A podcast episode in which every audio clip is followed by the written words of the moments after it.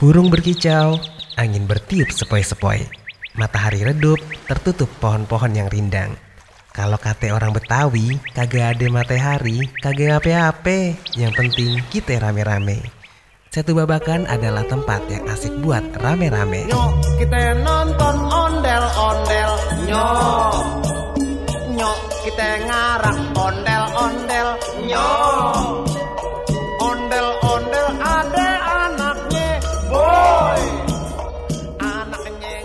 Perkampungan Betawi di dalam sini banyak sekali penduduk asli Jakarta yang teratakan kebudayaannya. Ternyata masih menyimpan banyak tradisi. Perkampungan budaya Betawi adalah salah satu tempat di daerah selatan Jakarta, di mana dapat ditemui, khususnya di satu babakan, terdapat kehidupan yang harmonis. Suasananya semua berbau-bau Betawi yang dikelilingi rindang dan hijaunya pepohonan yang tumbuh subur di halaman perumahan penduduk. Tempat ini dibangun atas prakarsa penduduk asli Jakarta yang berkeinginan memiliki tempat di tengah masyarakat Jakarta. Jadi kronologinya begini, kalau di Jakarta yang saya tahu kagak ada tempat buat melestarikan sama ngembangin budaya Betawi ya. Kayaknya kudu tuh orang Betawi punya tempat ya. Kalau ada masjid terus Barata yang punya orang Jawa itu ada dananya dibikinin. Nah orang Betawi sendiri kagak. Kalau ada Maruda, ada Condet itu juga nggak jalan nggak bagus. Ya, akhirnya tuh orang tua kita, orang-orang Betawi yang peduli sama kita, dia dia ngobrol-ngobrol, kayaknya kita kudu punya tempat diusulin ke Bamus Betawi, Badan Musyawarah Organisasi Masyarakat Betawi yang kebenaran waktu itu ketuanya Pak Haji Abdul Syukur, eh, Brigjen Purnawirawan ya. Itu dihimpun tuh masukan-masukan orang Betawi, eh, akhirnya Bamus juga setuju. Nah Bamus itu ngusulin ke Pemda lewat Pemda DKI Jakarta ya. Nah, itu akhirnya dilempar lagi ke DPRD setuju juga. Satu babakan ini memiliki areal seluas 165 hektar. Dan di tempat ini mempunyai dua setu alam. Yang pertama ada setu babakan dan yang kedua ada setu mangga bolong. Nah, yang satu ini dihuni oleh beberapa suku selain suku Betawi. Seperti Bhinneka Tunggal Ika ya, berbeda-beda tetapi tetap satu jua. Kabar yang mengatakan bahwa perkampungan ini akan mengusir suku lain ternyata tidak benar. Seperti yang diungkapkan narasumber kita berikut ini. Di perkampungan budaya Betawi ini luasnya kurang lebih 165 hektar ya. Itu ada dua setu di dalamnya, ada setu Babakan sama setu Mangga Bolong. Nah, dari 165 hektar itu ada 65 hektar aset Pemda, 100 hektar milik masyarakat itu yang bakalan ditata. Jadi sampai ini hari ya kurang lebih 80% orang Betawinya. Terus ada konsep saudara-saudara kita bakalan digusur. Kan teman-teman nanya gitu. Yang bukan orang Betawi baru keluar, nggak ada nggak ada pemikiran kita ini digusur orang Betawi eh, boleh di sini yang bukan Betawi kudu keluar nggak ada konsepnya sama-sama bareng gitu Dalam kawasan ini dapat ditemui dengan mudah aktivitas keseharian masyarakat Betawi seperti ngederes. Ngederes merupakan hataman Al-Quran yang biasanya dilakukan setiap tanggal 24 setiap bulannya. Selain itu, juga ada kegiatan lainnya yang menarik, seperti latihan pukul yang biasa dikenal di sana dengan nama silat beksi.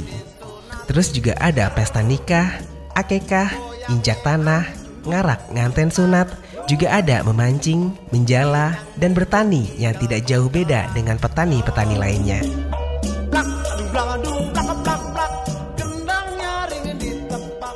Profesi yang digelar secara rutin ini dapat disaksikan oleh masyarakat luas termasuk kita semua.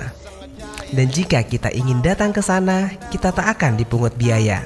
Kita bisa menikmati keindahan alam, suara-suara burung, terus juga suasana-suasana indah lainnya yang bisa kita nikmati. Aktivitas masyarakat perkampungan ini pun dari lahir hingga mati serta dukungan potensi alam yang asri telah menjadi perkampungan budaya Betawi menjadi objek wisata yang paling menarik dari objek-objek wisata yang lainnya. Terutama bagi wisatawan yang memiliki minat yang khusus. Mungkin Anda salah satunya. tradisi kita ada hmm, jadi gini ya zona budaya itu memang ada ya kita ada side effect dari adanya perkampungan budaya Betawi ini ada wisata budaya wisata agro pertanian atau wisata air gitu Nah di wisata budaya ini mulai orang lahir sampai mati ini dibikin di sini. Ya, ya itu yang namanya orang akeke, yang nyunatin, yang di sana terus khatam Quran, pindah rumah, eh, menuju bulanin, ngawinin, itu kita bikin ngederes uh, tamat Quran gitu ya. Nah besok kita bikin tanggal 24 nih bakalan gitu. Nah itu ada, nah, ada kayak gitu kita bikin. Kalau yang namanya prosesi prosesi itu sifatnya insidental. Nah, insya Allah tanggal 24 kita bikin prosesi khatam Quran. Tapi yang namanya prosesi budaya yang sifatnya hiburan seni seni musik seni teater sama seni apa tari itu kita bikin setiap hari minggu. Ada. Setiap hari minggu dari jam 2 sampai jam uh, 4 sore itu ada. Gratis. Cuma-cuma buat masyarakat nggak dipungut uh, bayaran Di sini pun terdapat wadah pembinaan dan pengembangan, serta pelestarian budaya dalam perkampungan budaya Betawi. Budaya Betawi ini memiliki lima unit yang kompleks yang berfungsi sebagai pembinaan keagamaan, pembinaan dan pengembangan nilai-nilai budaya, pembinaan dan pengembangan kebahasaan, serta kesusastraan juga keperpustakaan. Jadi, kita tidak hanya mendapatkan informasi, tapi kita juga bisa mendalami segala sesuatunya yang ada di sana. Pokoknya, semua sarana dan segala sesuatunya yang dibutuhkan oleh para wisatawan semuanya ada di sana.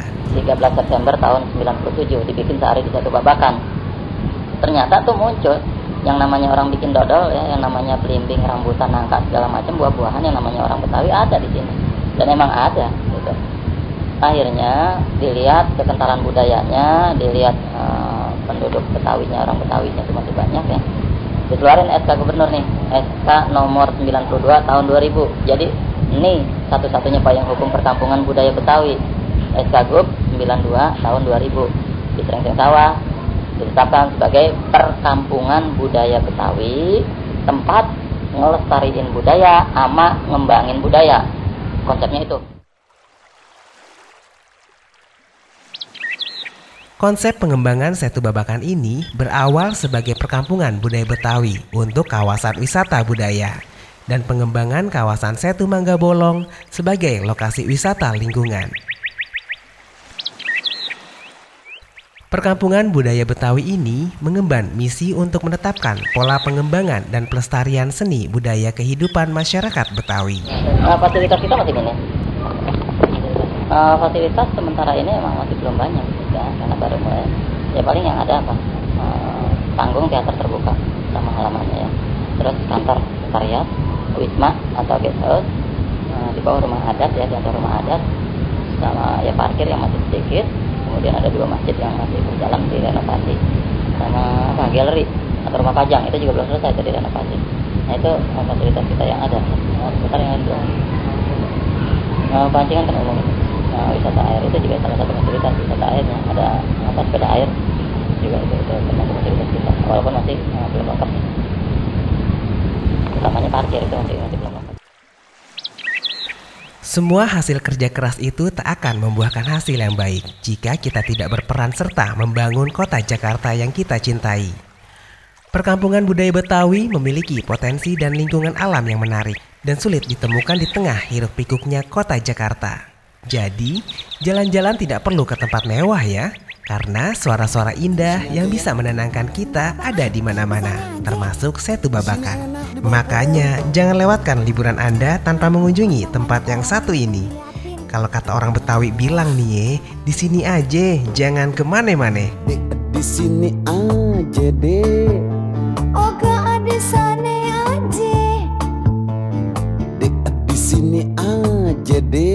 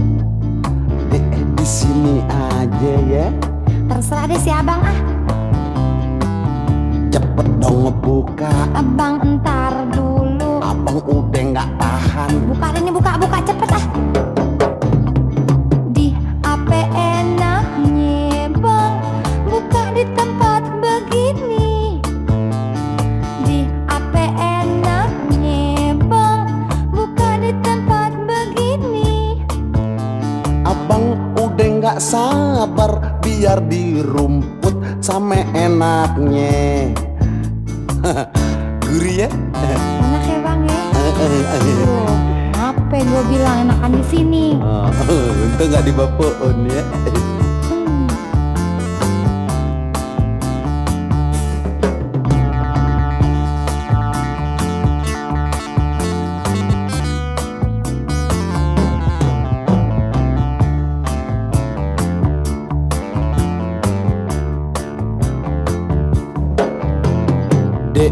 Sini aja dek.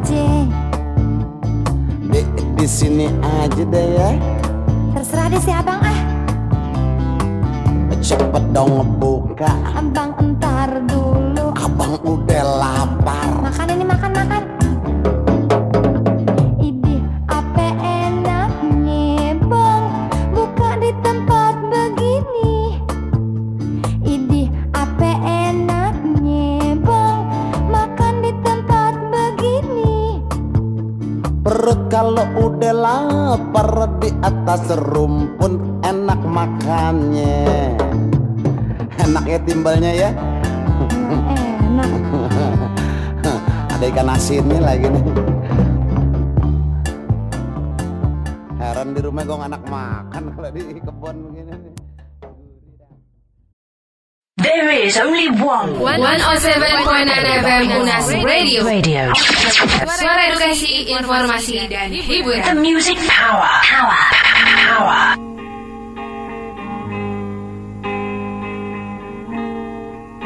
Dari kawasan Bambu Kuning Jati Padang Pasar Minggu Jakarta Selatan 107,9 FM Unas Radio Suara Edukasi Informasi dan Hiburan. Hai your listener, kali ini kita ada di program Future Unas Radio.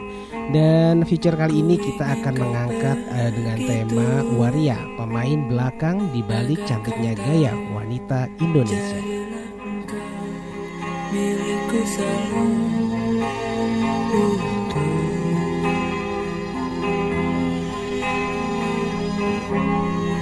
Tanpa tersentuh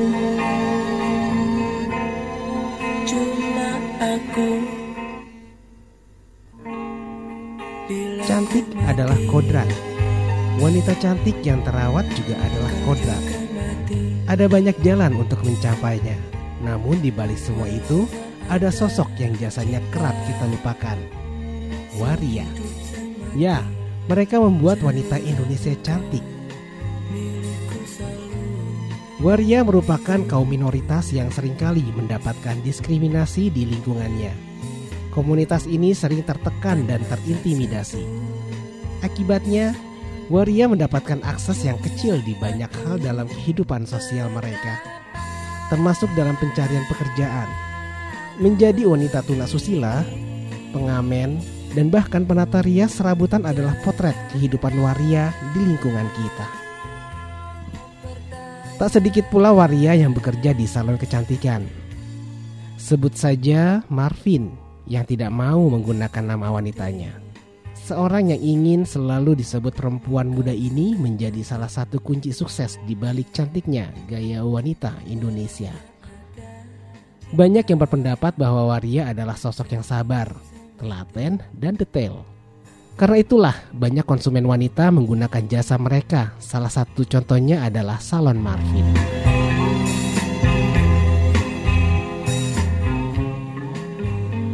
Marvin yang tetap berpegang teguh pada nama laki-lakinya ini memulai bisnis salon sejak enam tahun lalu. Menurut Waria berusia 34 tahun ini, salon adalah salah satu prospek bisnis yang cerah di daerah Jati Mekar. Hal tersebut karena kurang menjamurnya salon kecantikan di daerah ini. Minatnya yang besar pada bidang kecantikan turut menjadi alasan penyaluran bakat Waria yang sempat bekerja di sebuah salon besar di daerah Fatmawati ini. Kesulitan finansial sempat menjadi penghalang Marvin untuk mendirikan salon ini. Namun dengan tekad yang kuat, Marvin dapat mendirikan dan mengelola salon ini dengan baik. Ia mengaku hal tersebut tak lepas dari kebaikan mantan bosnya terdahulu yang meminjamkan sedikit uang sebagai tambahan Marvin dalam melancarkan pendirian salon ini. Marvin sangat mencintai bidang ini ia seakan tak bisa lepas dari mimpinya sedari dulu untuk menjadi pemilik salon seperti sekarang. Marvin mulai dari nol, bahkan keahliannya didapat dari otodidak. Ia juga menambah kemahirannya dengan berbagai kursus yang rajin ia ikuti. Seseorang yang kerap dipanggil Banji Kaleng ini tidak menyangka salonnya akan cepat berkembang dalam waktu hanya enam tahun. Prestasi yang sangat membanggakan tentunya. Dalam pengoperasiannya, salon ini memiliki enam karyawan, empat di antaranya waria, sedang sisanya wanita. Menurut Marvin tidak ada batasan antara kinerja waria dan wanita. Mereka sama-sama memuaskan baik di mata dirinya juga untuk konsumen. Masyarakat umum memandang waria sebagai stigma yang buruk dalam lingkungannya. Namun, sejak salon ini berdiri, tidak ada komplain yang berarti dari pengunjung karena Marvin mempekerjakan waria. Hal tersebut ditanggapi salah satu pelanggan setia salon ini bernama Mareta, mahasiswi berusia 23 tahun. Wanita ini mulai sering menggunakan jasa Marvin Salon sejak kedua tahun yang lalu. Menurutnya, salon ini berbeda dengan salon-salon lainnya karena pelayanan karyawannya yang ramah dan memuaskan sehingga ia tidak ingin berpindah ke lain salon selain di sini. Mareta mengaku dirinya tidak terganggu dengan waria. Bahkan, ia lebih memilih untuk dilayani dengan waria dibandingkan dengan karyawan wanita. Mareta beranggapan waria lebih bisa mengerti dirinya dalam membantunya untuk mempercantik diri karena kepekaan yang dimiliki waria. Marvin memiliki pandangan terhadap kaumnya yang turut mempercantik gaya wanita Indonesia. Menurut Marvin, hal tersebut tidak lepas dari andil besar kaum waria yang turut berkarya untuk melestarikan kecantikan gaya wanita Indonesia itu sendiri. Marvin juga memiliki persepsi tersendiri tentang definisi cantik gaya wanita Indonesia. Marvin adalah salah satu contoh waria yang gigih melanjutkan hidupnya walau banyak cacian dan makian terlontar dari masyarakat. Namun, langkah Marvin untuk terus maju di dunianya bisa saja terjegal oleh fatwa haram yang dikeluarkan Bansul Masail, yakni Forum Ulama Jawa Timur yang membahas masalah-masalah yang muncul di masyarakat. Ahmadi petinggi forum tersebut mengatakan bahwa alasannya Waria adalah seorang lelaki, jadi bukan muhrim untuk memangkas rambut atau merias wanita. Hal ini ditegaskan oleh salah satu Ustadz Mahdi yang aktif di Masjid Salman Al-Farisi, Cempaka Putih sebagai pendakwah. Menurutnya, bukan muhrim jika waria bersentuhan dengan konsumennya yang wanita. Kiai Mahdi juga berpendapat bahwa apa pun alasan yang dikemukakan waria untuk membela diri terhadap pekerjaannya, hal tersebut tidak sanggup dimaklumi dalam kacamata Islam. Untuk ke depannya waria bertubuh gempal ini berharap adanya persamaan hak bagi kaumnya di lingkungan masyarakat. Tentu karena mereka juga punya peran besar dalam menunjang cantiknya wanita Indonesia secara fisik dan psikologis. Walau banyak stigma negatif melekat pada kaum mereka, Marvin mengaku mencintai pekerjaan ini dan terus mengeksplor kemampuannya untuk terus berkarya di jalur kecantikan ini. Waria telah mengorbankan banyak hal untuk mempercantik wanita Indonesia. mereka kerap terpinggirkan dalam lingkungannya, juga dari segi agama. Namun mereka tetaplah manusia. Mereka tetap memiliki hati nurani untuk bertahan hidup. Mereka telah melakukan hal-hal yang luar biasa tanpa pamrih untuk mengkonsistensikan kehadiran mereka khususnya di bidang kecantikan Indonesia. Mereka layak mendapatkan penghormatan dari kita sebagai suksesor wanita untuk mencapai kecantikan.